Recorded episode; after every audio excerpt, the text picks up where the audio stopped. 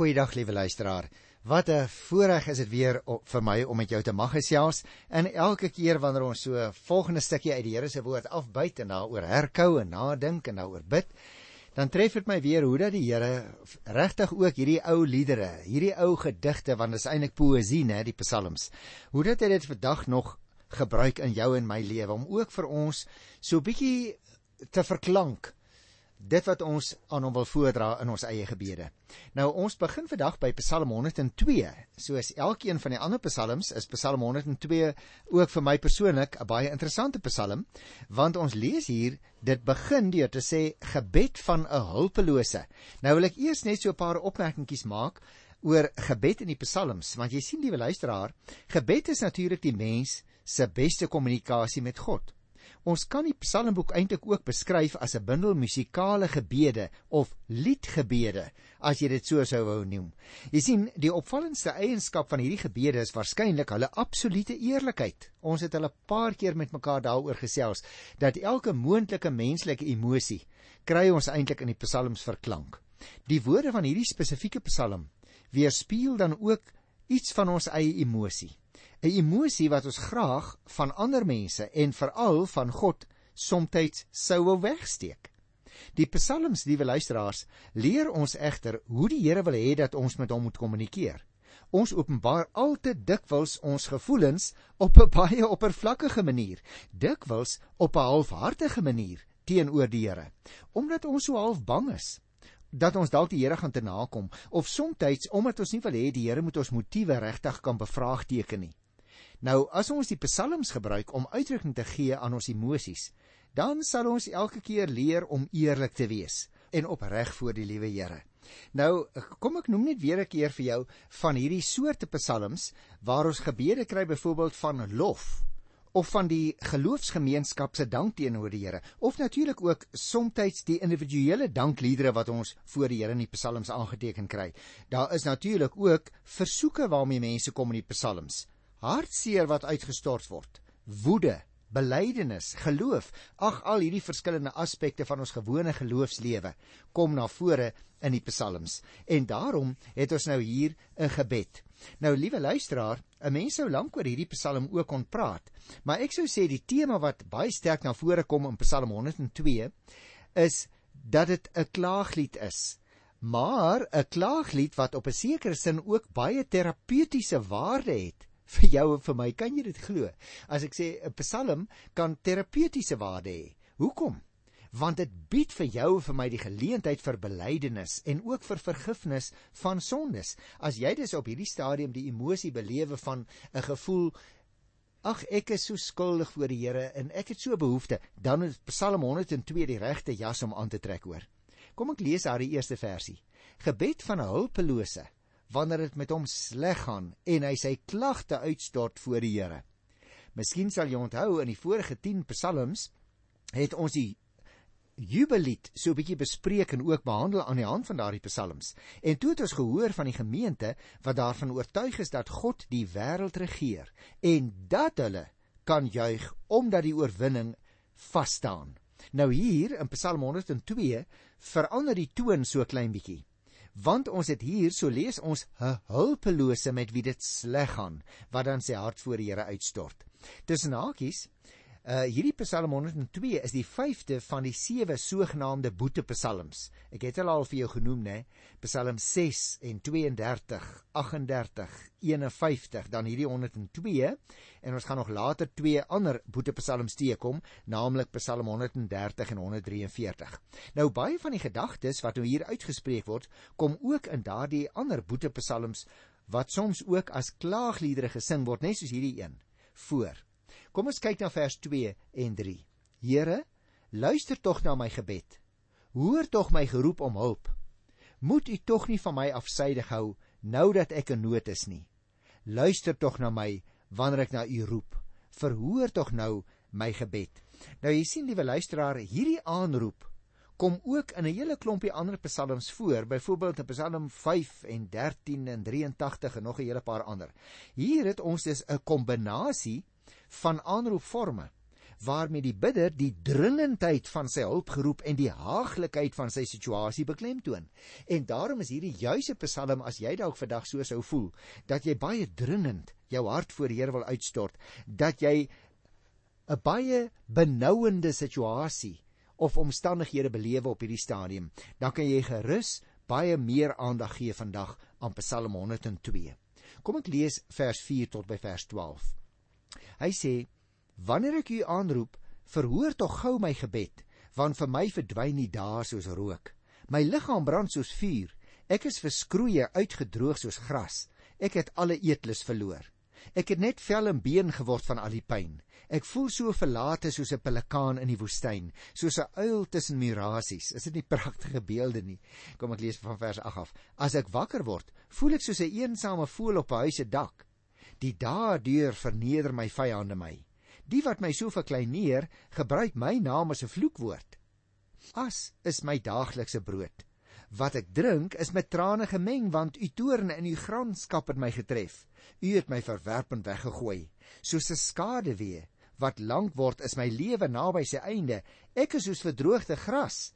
Daarom sal jy nou verstaan, liewe luisteraar, as ek vir jou gesê het, as jy jou omstandighede wat vir jou benouend is, regtig wil verklank, dan is hierdie soort van terminologie net die regte wat jy voor die Here kan uitstort, ook uit jou eie hart en jou eie belewenis van jou persoonlike omstandighede. Het jy opgemerk hier in vers 4 tot 12?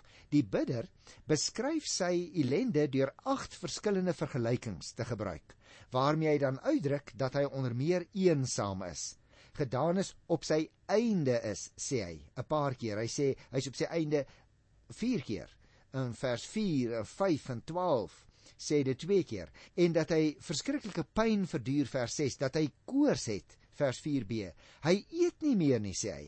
Hy's net vel en been hy is in rou volgens vers 10 nou hierdie soort van goed beleef jy en ek ook mos dikwels. Wanneer ons byvoorbeeld baie benoud raak wanneer ons omstandighede ons dag na dag druk dan is dit nader soos pyn wat ons verduur. Ons het nie meer uitsig nie, nê. Ons word selfs maar. Ons wil nie meer eet nie soos hierdie ou sê. Sy posisie is so bedenklik vanweë die manier waarop sy vyande hom verneder sê hy. Daar weet ons dus dadelik wat sy persoonlike omstandighede is. Hy sê sy naam het selfs 'n vloekwoord geword. As iemand wil 'n lelike woord sê, dan dink hulle aan hierdie ou en sê, "Jo, kyk nou net daai ou." En dan noem hulle sy naam.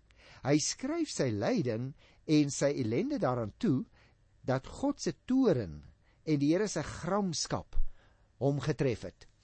Dat die Here homself verwerp het. So so beleef hy dit. Nou, liewe luisteraar, daarom het ek vir jou gesê, ons moet nie altyd elke ding letterlik opneem asof die Here regtig hierdie kind van hom verwerp het nie. Nee, dit is 'n poëtiese manier van sê hoe hierdie ou sy eie gevoel beleef het. Vers 11b byvoorbeeld dat die Here hom weggegooi het. En wat my ook opval in hierdie Psalm is dat alles eintlik twee keer herhaal word. Nou hoekom sou dit gebeur? Ek dink die rede is omdat die digter daarmee wil beklemtoon hoe sleg dit in werklikheid met hom gaan. Hy is naby sy eie dood. So as ek nou die eerste 12 versies so 'n bietjie moet saamvat, dan voel dit vir my dit gaan hier daaroor dat die bidder voel hy is siek en hy is van God verlate. En daarom pleit hy by die Here in sy gebed om verlossing dat die Here tog sy gebed sal verhoor.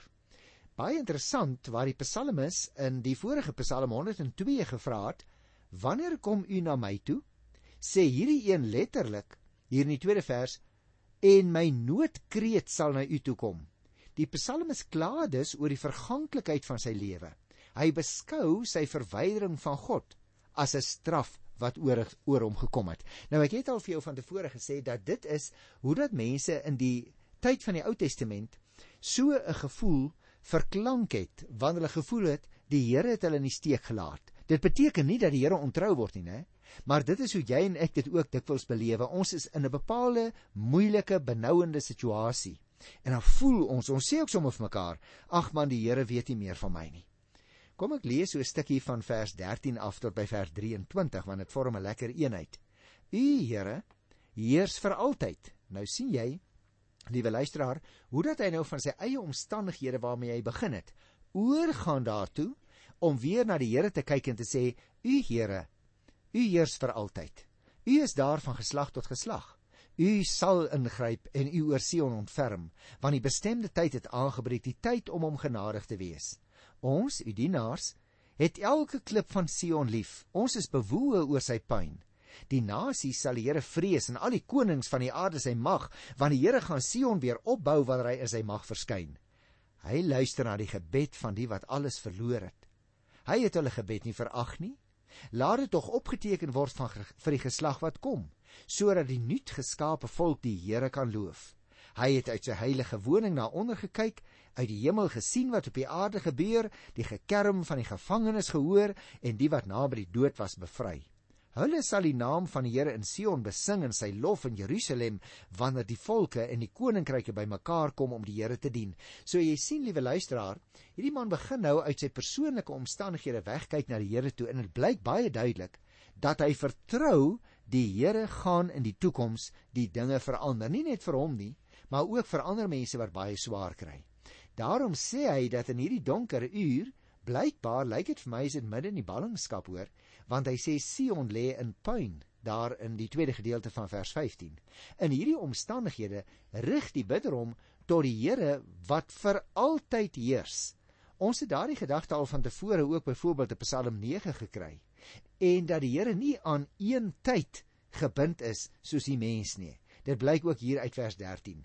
En daarom word die Here se dade ook nie deur aardse gebeurtenisse bepaal nie, liewe luisteraar. Die Here tree op sy tyd op en hy betoon genade aan wie hy wil. Ons het dit al geleer in Eksodus 33 vers 19. En hy betoon daardie genade ook op die manier en op die tyd wat hy wil. En so vertrou hierdie man en hy sê dit ook in vers 14 en vers 17 weer 'n keer. So sal die Here hom ook weer oor Sion ontferm, die stad wat nou so verwoes lê. Met ander woorde, die dienaars van die Here het elke klip van daardie ou stad wat nou afgebreek is en wat rond lê, lief, want dit is 'n mooi stad. Die mooi stad het egter nou verander in 'n puinhoop soos wat ook blyk uit die boek Nehemia. Onthou julle toe ons dit behandel het, Nehemia daar by die eerste hoofstuk by vers 3. Die ramp maak nou hierdie hulpelose egter nie moedeloos nie. Hy sê die Here sal weer verskyn soos van ouds en dan sal die nasies die Here kom dien en voor sy mag buig. Sion sal herbou word, so vertrou hy. Want God sy sê dit ook baie duidelik, luister na die gebed van die hulpeloses daar in vers 18. God het met ander woorde nie in die hemel afsyde gestaan teenoor die lende van sy volk of die situasie van hierdie persoon nie. Hy voel so, maar nou blyk dit dat hy weet die Here voel anders. Die Here voel positief oor hom en oor elke gelowige se persoonlike omstandighede. Hy is daarvan bewus en hy wil ons help. Die Here het dit raak gesien, hy het ingegryp en hy het Sion herstel, so skryf hy nou asof dit al reeds gebeur het. En hierdie geskiedenis sê hy nou moet opgeteken word vir die nageslag, daar in vers 19. Want in hulle tyd sal die volke na Sion toe kom om die Here te dien. En daarom, liewe luisteraars, is dit ook so belangrik dat jy en ek sal meewerk aan die opbou van 'n spesifieke gemeente waaraan ons behoort. Want jy sien, ons wil mos ook die boodskap wat hierdie gemeente dra. Ons wil daardie boodskap laat deurklink na die volgende geslag wat na ons kom. Dis dit is dus baie belangrik luisteraars dat elke een van ons ons inset te maak in die gemeente waar die Here vir ons geplant het. Kom ons kyk so 'n bietjie na vers 24 tot 29 hier Psalm 102 luister. Hy het my krag gebreek toe ek nog jonk was. Hy het my lewe verkort. Ek sê, my God, moet my nie in die vleur van my lewe wegneem nie. U is daar deur die geslagte heen. In die voortyd al het u die aarde gevestig en die hemele met u eie hande gemaak. Die hemel en die aarde sal vergaan, maar u sal bly. Soos 'n kledingstuk versluit, so sal alles vergaan soos klere wat uitgedien raak. So sal u alles laat verdwyn, maar u bly dieselfde. U jare het geen einde nie. En dan sluit hy af met vers 29: Ons nageslag sal die land bly bewoon. Ons nakommelinge sal veilig voor u woon. Jy sien luisteraar, ek dink wat ons moet opmerk hier in vers 24 tot 29 is dat die ewige God die verganklike mens red. Hier in hierdie verse is die digter as 'n siek enkeling weer 'n keer aan die woord soos die eerste gedeelte van die Psalm. Maar nou sy lyding teen God se onverganklikheid en God se skepingsvermoë. En daarom kom hy hier in vers 28 tot die gevolgtrekking: "Maar u bly dieselfde. U jare het geen einde nie." Daarom lyk dit vir my om hierdie Psalm te verstaan, luisteraar, moet jy lees wat ook in Psalm 22 oor die klaaglied van die enkeling alreeds gesê is en hoe dat Psalm 32 uh ook by die boetepsalms aansluit wanneer oor hierdie dinge gepraat word. Ons moet baie goed oplet in hierdie verse. Die klag word weer 'n keertjie herhaal. Hy lei al vandat hy nog jonk was, sê hy. En om jong te sterf is natuurlik beskou in die ou tyd as 'n aanduiding dat 'n mens goddeloos is en dat God jou lewe doelbewus wegneem. Mens kry dieselfde gedagte in die boek Job, daar by die 36ste hoofstuk by vers 14. Met ander woorde, hierdie persoon is besig om te sê teenoor sy kortstondige lewe staan die ewige onveranderlike God. Daar in vers 25 se tweede gedeelte.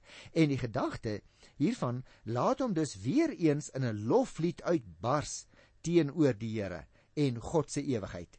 Selfs die skepingwerk sê hy, die hemel en die aarde wat so goed deur hom gevestig is en met soveel sorg gemaak is, sal verdwyn soos 'n verslete kledingstuk wat vergaan daar in vers 27. Maar dan onmiddellik weer 'n keer in vers 28, maar God bly dieselfde. Met ander woorde, liewe luisteraar, as mense vir jou vra wat is die betekenis van hierdie Psalm, dan sou ek dit so wou probeer verwoord. Die klaagliedere lyk vir jou vir my baie dikwels na liedere van ongeloof en mislukking, maar dis juis 'n geloofsdaad wat uitdrukking gee aan onaangename ervarings en sodoende vir ons verligting bring. En daarom in ons tyd is daar 'n baie beroemde Amerikaner, Maxwell, John Maxwell. En hy praat dikwels in sy boeke oor hierdie soort van goed en een van sy boeke vertel hy hoe dat 'n mens as jy 'n teleurstelling beleef, nie dadelik na jouself moet kyk asof jy 'n mislukking is nie. As daar dinge wat is wat nie vir jou lekker is nie, jy struikel of jy sondig of jy val of jy sê iets wat onverantwoordelik is, dan beleef jy jouself dikwels as 'n mislukking. Liewe luisteraar, dit is nie waar nie.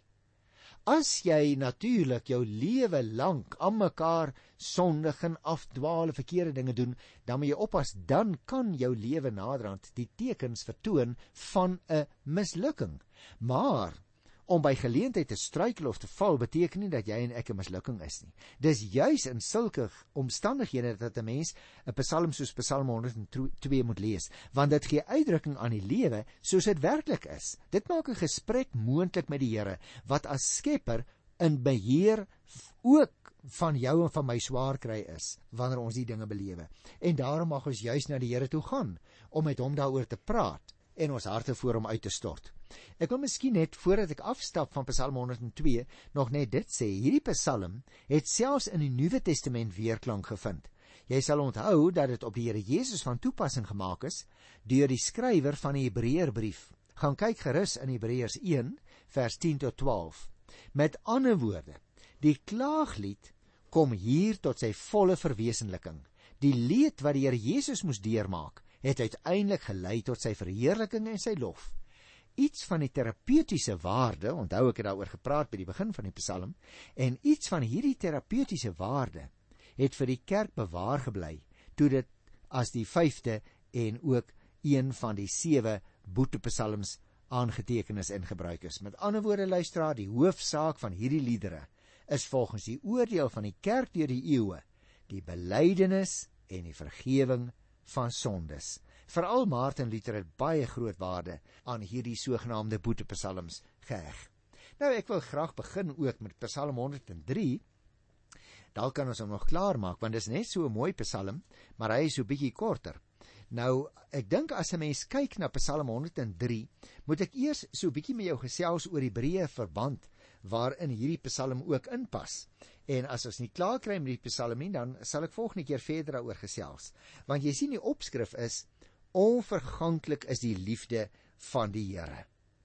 Nou, liewe luisteraar, wanneer die Here iets spesifieks vir 'n mens gedoen het, dan sing jy vir hom 'n danklied. Wanneer jy wil sing oor wat die Here altyd doen en elke dag vir die wêreld doen, dan sing jy vir hom 'n loflied. Nou hierdie loflied in Psalm 103 word eintlik 'n jubellied wat soos rimpels op die water al hoe wyer uitkring. En baie interessant, die loflied begin gewoonlik in die psalms net by een persoon. Hy wil die Here loof met alles wat hy het. Hy noem dan ook die redes hoekom hy God se naam wil grootmaak. Die Here vergeef sy sondes. Hy maak hom weer gesond. Hy red hom van die dood. Hy oorlaai hom met liefde. Hy laat hom al die goeie dinge sonder beperking geniet en die Here maak hom so lewenskragtig soos 'n arend. Nou natuurlik, dan val die koor by die individu in. Die lof klink al harder en al groter in Psalm 103. Die gemeente sing uit volle bors oor God se liefde en sy regverdigheid, oor die Here wat hulle sonde so ver van hulle wegneem soos die ooste van die weste af is. Oor die Here wat vir hulle sorg soos 'n pa, wat warmhartig en geduldig is met hulle wat so klein is in die wêreld. Luisteraar, die Here wat met sy liefde so groot is soos die hemel bo die aarde en van geslag tot geslag getrou bly aan die mense wat in hom glo. En dan breek die loflied uiteindelik deur na die hele skepping toe. Die hemelwesens word as 'n ware geroep om saam te sing met almal op die aarde wat doen wat die Here wil hê. Een groot jubelende lied klink rondom die wêreld op. Alles en almal wat deur die Here gemaak is, sing die bruisende en die borrelende lied van lof en verheerliking vir hulle liefdevolle en wonderlike Here. Nou dit is die atmosfeer wat 'n mens in Psalm 103 kry en daarom dink ek liewe luisteraar ek het nou daarmee begin maar ek gaan dit nou nie in sy volledigheid behandel nie. Ek gaan miskien net so na die eerste 5 versies kyk en dan gaan ek volgende keer verder. Dis 'n Psalm 103 van Dawid. Ek wil die Here loof met alles wat in my is, wil ek sy heilige naam loof. Ek wil die Here loof en nie een van sy weldade vergeet nie. Dit is hy wat al my sonde vergewe, wat al my siekte genees, wat my red van die graf met liefde en ontferming kroon, wat my die goeie in oorvloed laat geniet, met die jeugdige krag van die arend vir my skenk. Nou ek dink ek gaan met hierdie Psalm daar ophou by die 5de vers, maar ek wil eers 'n bietjie daaroor met jou gesels en dan gaan ons volgende keer verder. Dit lyk vir my, liewe luisteraar, dat die digter in hierdie 5 verse die klem laat val in sy lofprysing op God se magtige dade. Ag, dis wonderlik as ons in die Bybel lees, want jy en ek kan tog so dikwels en so maklik oor die lewe kla. Maar hier gee die digter vir ons 'n hele lys van die dinge waaroor ons die Here kan loof. Hy praat van die Here se liefde, vergifnis, redding, sagmoedigheid, genade, regverdigheid, geduld, teerheid. Ag, liewe luisteraar, jy en ek ontvang al hierdie dinge sonder dat ons enigiets daarvan verdien hoor. Hoe moeilik dit ook al dalk vandag met jou persone gaan, daar is altyd seëninge uit die verlede wat jy in herinnering kan roep nie waar nie?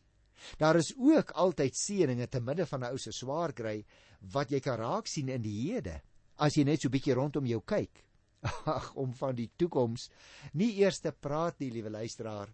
As ons dink aan daardie groot toekoms wat die Here vir ons in gedagte het, daar wanneer die tye opgerol sal word soos 'n tentdoek, dan het ons mos rede om die Here te loof al is ons persoonlike omstandighede ook hoe moeilik. Daarom wil ek vir jou vra, lees gerus 'n slaggie Psalm 102 waarmee ek beginne deur, maar moenie met die klaaglied en die treursang en die boetelied ophou nie. Lees ook die eerste 5 versies van Psalm 103. En dan sal jy sien hoe dit die atmosfeer en die inhoud van die Psalm dadelik verander. Dat hierdie man voor die Here kom staan en sê Here, al is my omstandighede hoe moeilik, dan wil ek vir u loof, nie net oor gister nie, maar ook oor die goeie dinge vir vandag en ook oor die goeie dinge wat u vir my in gedagte het vir die toekoms. En daarom, liewe luisteraar, op hierdie positiewe sterk noot wil ek jou aan herinner aan die Here se genade, aan sy liefde, aan sy trou wat nooit ophou nie. En dan gesels ons hoe die Here wil volgende keer met mekaar verder oor Psalm 103 van die 6ste vers af. Jy kan dit in die tussentyd lees, dit dit jou lied maak wat jy ook voor die Here sing in groot dankbaarheid. Ek groet jou in sy wonderlike naam tot volgende keer. Tot dan. Totsiens.